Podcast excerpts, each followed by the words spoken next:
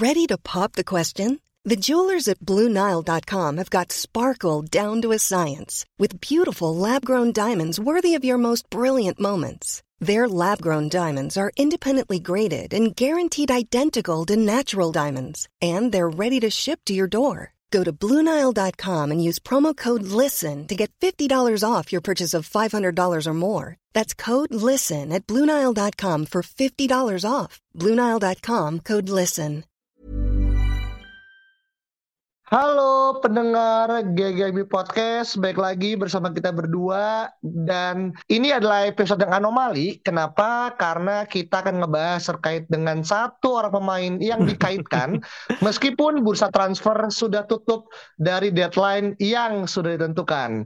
Namun sebelum itu kita berdua pengen mengucapkan terima kasih untuk semua pendengar GGMI Podcast di luar sana karena per hari ini kita mencatatkan achievement baru atau milestone baru karena masuk ke top 100 podcast di Indonesia gitu kan. Wah ini Yoi. suatu hal yang mungkin akan sangat impossible karena nggak hmm. ada bantuan dan juga mungkin support dari teman-teman yang sering komen di Insta, eh komen di Twitter gitu kan atau ngasih rating kita di benar, uh, benar. Spotify juga gitu dan tetap dukung kita supaya kita juga bisa terus nge-produce konten-konten yang teman-teman juga tunggu-tunggu. Oke, okay, back to topic kita akan bicara masalah Santiago Arias, nama yang sangat jauh dari radar MU, tapi sejak dua hari yang lalu ada salah satu bisa dibilang jurnalis yang ya cukup terkenal lah di South America namanya Johnson Saints yang dia ngeklaim kalau Santiago Arias has his bags ready to move to Manchester United dengan status free agent. Nah, Tanggapan lu gimana, Vin? Um, menurut gua di posisi kayak sekarang ya, di situasi kayak sekarang yang mana bek kanan ini cuma Diogo Dalo aja yang bisa diandalkan. Bahkan di lawan Real Sociedad kemarin sempat Victor Lindelof yang bermain sebagai bek kanan gitu. Yang mana ya itu bukan posisi aslinya. Gue juga nggak tahu ya apa yang terjadi dengan Aaron Wan Bisaka apakah dia masih cedera atau memang sebetulnya tidak dipercaya. Dan ini kan sebenarnya agak kontradiktif dengan apa yang disampaikan oleh media yang mana katanya Ten Hag ini sangat menginginkan Sergio Des. Karena Des ini juga waktu itu mau di offload ya sama Barcelona either dengan loan ataupun dijual permanen. Tapi katanya John Murtough ini encourage si Ten Hag untuk cobalah lu bisa kok mainin Wan Bisaka lagi gitu. Intinya intinya Murtough ini ingin Wan Bisaka ini digunakan dengan sebaik-baiknya gitu. Mungkin karena nilai evaluasinya juga kali ya, 50 juta, udah invest mahal ya kali. Lu tiba-tiba dijual 10 juta kan uh, rugi bandar gitu. Jadi menurut gua ada ada sisi-sisi di mana MU ini masih belum bisa objektif pada akhirnya meskipun ini udah jauh lebih baik daripada yang dulu. Cuma tetap lah gitu menurut gua gua ngarep banget jujur ya Sergio Des kemarin karena ya kita nggak bisa rely on cuma ke Diogo Dalot seorang gitu. Kita butuh seorang back kanan juga yang bisa uh, nge-backup bukan nge-backup ya tapi menjadi pesaingnya Diogo Dalot gitu dan Des ini kan kemarin juga punya histori yang bagus sama Ten Hag pernah bermain bareng di Ajax dan ya dia punya kecepatan dan dia bisa main di kiri juga gitu. Sedangkan Wan Bisaka dia statis main di kanan dan udah jelas dia nggak bisa bermain pada skema Ten Hag gitu. Jadi menurut gua sekarang kesannya tuh kayak siapa ya? Kayak siapa pun lah yang penting bukan Wan Bisaka. Itu kayaknya kita perlu syukuri. Iya iya iya. Nah ini jadi suatu hal yang sebenarnya juga kontradiktif tadi Afif sempat bilang ya masalah media dan juga memang keberpihak, keberpihakannya Ten Hag tuh sebenarnya udah kelihatan dari pramusim dengan akhirnya memainkan Wan Bisaka bahkan lebih sering dari bangku cadangan bahkan ketika di Mes Sociedad memainkan Victor Lindelof yang sebenarnya bukan posisi aslinya gitu. Pun kalau emang Lindelof akhirnya harus bermain di luar posisi ya sebenarnya gue lebih prefer dia sebagai DM ya gitu yang orang-orang mungkin sering fantasikan gitu kan dulu sebagai seorang DM tapi kemarin kita menemukan anomali gitu kan. Dan kalau kita ngomongin masalah transfer Santiago Arias gitu kan ini beberapa orang akhirnya menunjukkan bisa dibilang apa ya emosi yang ada yang positif ada yang negatif gitu kan. Kenapa? Karena satu mengingat usia ya. Santiago Arias yang udah umur 30 tahun gitu kan.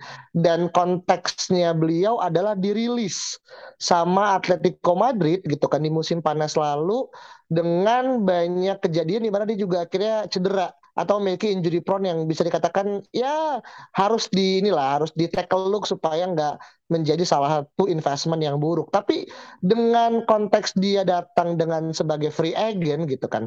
Apalagi kita juga udah lihat ya kemarin bagaimana Wolves memperkenalkan uh, Diego Costa ya dengan ala-ala tiga anjing uh, serigala uh, men GTA gitu.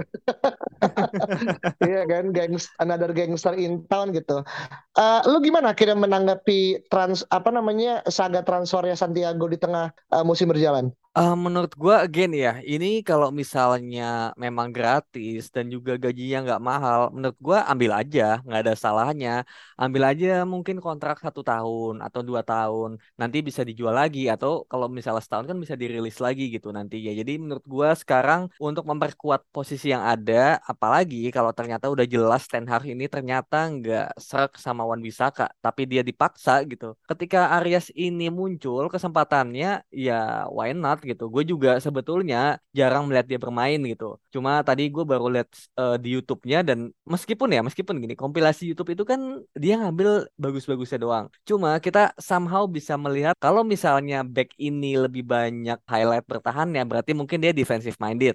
Tapi kalau misalnya lebih banyak aksi menyerangnya berarti dia offensive minded. Nah, kita ingat kan waktu itu Jonathan Klaus kalau nggak salah itu banyak banget aspek penyerangnya gitu. Karena ternyata dia lebih banyak dipasang sebagai RWB daripada RB yang bertahan gitu. Jadinya aspek menyerang yang lebih banyak di highlight gitu. Nah tapi Arias ini dari yang gue tonton itu balance aspek penyerangnya ada dari crossingnya dari cutbacknya dari uh, dia intersepsi dan juga uh, pressing ya position one ya itu banyak juga gitu nggak cuma bertahannya aja gitu dan ini menunjukkan bahwa sebenarnya back ini adalah back yang balance dia menyerang bagus dan juga bertahan juga oke. Okay. Dia juga berapa kali gue lihat dia tackle-nya juga cukup on point, bagus, membaca permainan juga bagus dan menurut gue ketika dia dirilis sama Atletico, mungkin ini juga bagian dari cocok-cocokan ya gitu.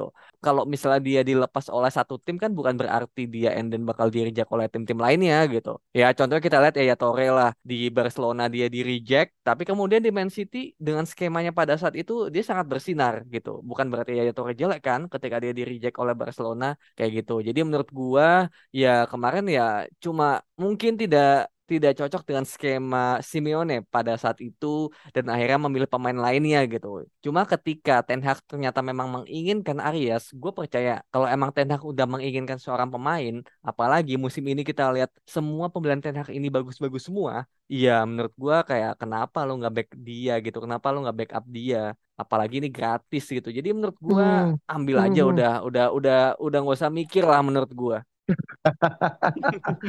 iya iya. Jadi memang kalau udah akhirnya Ten Hag yang memiliki apa ya bisa bilang purpose ya dan selayaknya fans ya kita backing our manager gitu kan. Dan Benar. mungkin yang teman-teman lupa ya gitu kan. Kita pernah dikaitkan dengan nama Marco Arnautovic.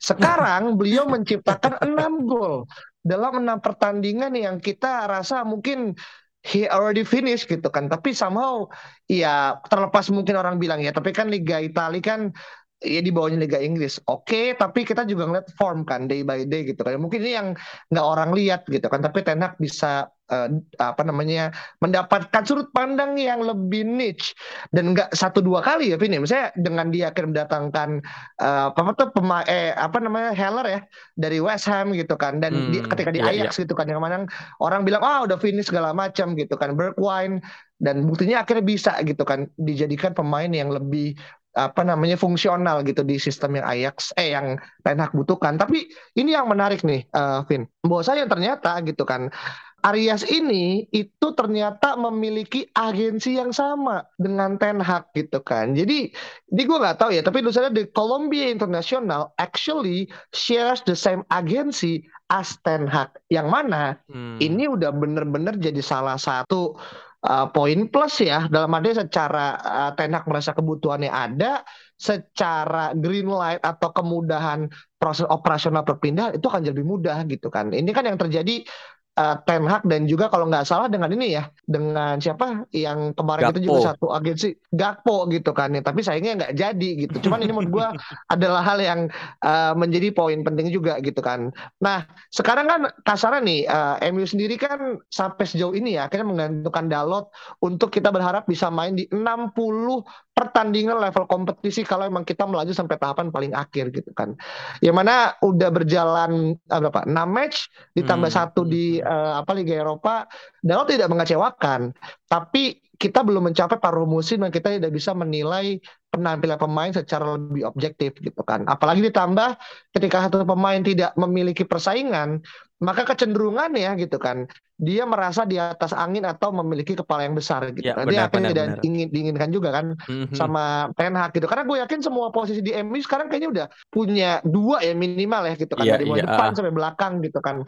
Tinggal bek kanan nih ya, akhirnya masih sangat-sangat uh, apa namanya missing nih gitu. Nah lu ketika berharap Arias datang gitu, apa yang mungkin lu bisa harapkan? Apakah beliau akan menjadi starter langsung atau akan week in week out gantian dengan atau atau akan ada semacam kayak apa namanya regulasi yang akan dimainkan, eh, Vin? Um, misalnya Arias ini datang, ya menurut gua dia pure akan menjadi backupnya Diogo Dalo. Contohnya ketika misalnya main di Europa League atau bermain di misalnya Carabao, FA Cup ketika lawan-lawannya mungkin masih bisa dilawan lah gitu. Kayak Sociedad kemarin sebetulnya nggak butuh Dalo gitu. Kalau misalnya kualitasnya juga nggak beda jauh dari si Dalo ini, misalnya kayak si Arias, menurut gue masih oke okay untuk dimainkan daripada lu maininnya kayak Lindelof yang jelas-jelas beda posisinya dan dia juga ya kelihatan lah gitu, dia nggak bisa maksimal di sana. Jadi memang harus ada seorang pemain yang karakternya tuh mirip gitu. Jadi gapnya tuh nggak terlalu jauh dengan first team kayak gitu.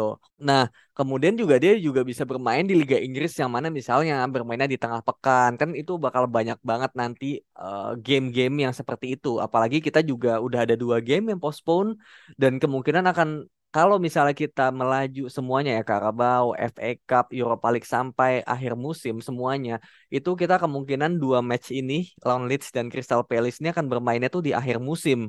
Dan itu kan krusial ya kalau misalnya ternyata nih kita udah lagi title race bersama mungkin Manchester City gitu kan ya iya, pemain-pemain iya. seperti ini gitu kan yang bisa apa ya bisa menggantikan sementara posisi utamanya, posisi pemain utamanya, ya itu akan sangat vital gitu. Yang mana hmm. kayak ini tuh value for money aja karena gratis hmm. tapi ternyata impactnya tuh sangat impactful gitu. Iya iya oh impactnya sangat impactful nih double makna tapi tapi kita bisa mengerti lah bagaimana akhirnya Ariasnya adalah missing jigsaw ya. Ya meskipun gue juga nggak bilang akhirnya Arias akan jadi markisanningnya MU gitu tapi kita melihat dari sosok profil pemain ya. Uh, menurut gue Arias sih salah satu pemain yang komplit as in experience karena dia mulai karirnya ketika di Sporting Lisbon terus sempat pindah ke PSV gitu kan. Hmm. Sempat main ke Atletico, sempat dipinjamkan ke Leverkusen. Itu udah empat liga yang berbeda ya. Betul, betul, gitu kan. betul. Maksudnya secara um, dengan umur 30 tahun, lu main di uh, empat kompetisi kasar tertinggi gitu kan. Menurut gue ini satu hal yang underrated gitu kan. Terlepas dia juga akhirnya sempat main di Granada gitu kan. Terus juga akhirnya uh, sempat cedera. Tapi menurut gue Arias itu kan juga salah satu pemain yang bisa dibilang untuk di timnas Kolombia sendiri kan juga jadi starting juga gitu. Makanya kalau teman-teman lihat di beberapa kompilasi Arias banyak beberapa klip tuh yang diambil dari ketika dia main di South uh, apa South Copa America gitu yeah, kan. Yeah, yang bener, mana menurut gue ya ya berlabel timnas lah gitu. Dan gue yakin sih ketika emang dia akan mendapatkan percayaan gitu kan. Gue nggak tahu ya pak Kolombia masuk ke Piala Dunia apa enggak ya. Cuman menurut gue ini bisa jadi semacam kayak redemption gitu. Buat dia untuk menunjukkan kalau ya it's not finished just yet aja gitu. Benar, dan benar, mungkin benar. ya sukses starts as 30 gitu. Menurut Arias gitu. Iya sama jadi, kayak hmm. Dubravka juga gitu kan. Hmm. kesuksesannya itu baru dimulai di umur 31 pas join MU kan Iya iya iya iya. Nah, jadi ini adalah suatu hal yang sebenarnya baik lagi ya nothing tulus gitu kan. It costs nothing but it brings quality more into the team gitu. Itu yang menurut gue yang perlu untuk akhirnya kita ambil sisi positif. Bahkan gue coba, gue ngeliat ya di kolom komentar orang-orang yang uh, nonton apa namanya kompilasi, dibilang, oh coba ditunggu setahun lagi, ini ada pemain ini gitu, ini hmm. pemain ini. Gue bilang kayak kalau kita berbicara jangka panjang itu adalah pilihannya gitu. Itu adalah opsinya gitu. Tapi kalau lo berbicara masalah jangka pendek gitu kan, maka lo nggak bisa ngekontrol pemain yang sekarang sedang berada di satu buah kompetisi gitu iya, kan. Iya, iya, benar, iya kan? benar, ini kan benar. ini kan makanya jadi kadang salah kaprah karena orang melihatnya kayak kenapa nggak beli dia aja, bro? Kalau Hmm. sekarang lagi bursa transfer sih, gue yakin Emi juga bakal beli gitu. Cuma udah tutup masalahnya nih gitu Iya, kan. iya, iya, Iya benar, kan? Dan benar, MU benar. akan dan MU nggak mungkin akan akan postpone mainnya karena kan minggu depan juga udah mulai internasional apa namanya match day gitu kan. Iya, iya. Dan ah. mungkin akan kembali ketika lawan Manchester City. Jadi menurut gue sih hmm, hmm. ya digunakan sebagai momen untuk bisa saling eh, antar pemain tabayun gitu kan, kenalan gitu. Jadi nggak langsung main. Menurut gue sih, well ya kalau Chelsea bisa dengan Graham Potter untuk bisa eh, apa namanya extend eh, connectionnya ya, kenapa juga Arias juga enggak untuk Benar. Iya, iya. Carrington kan. Nah itu Benar, sih yang benar. jadi salah satu poin plus. Tapi terakhir Hmm. mungkin terkait dengan posibilitas eh, dari lu sendiri yang gue yakin juga pasti nggak akan di bawah 6 ya. Karena ini kan sebenarnya beritanya kayak kita kan nggak punya lawan ya untuk eh misalnya semua tim kayak udah cukup lengkap ya dengan bek kanan at least di Big Six di apa namanya em, Liga Inggris ya gitu kan.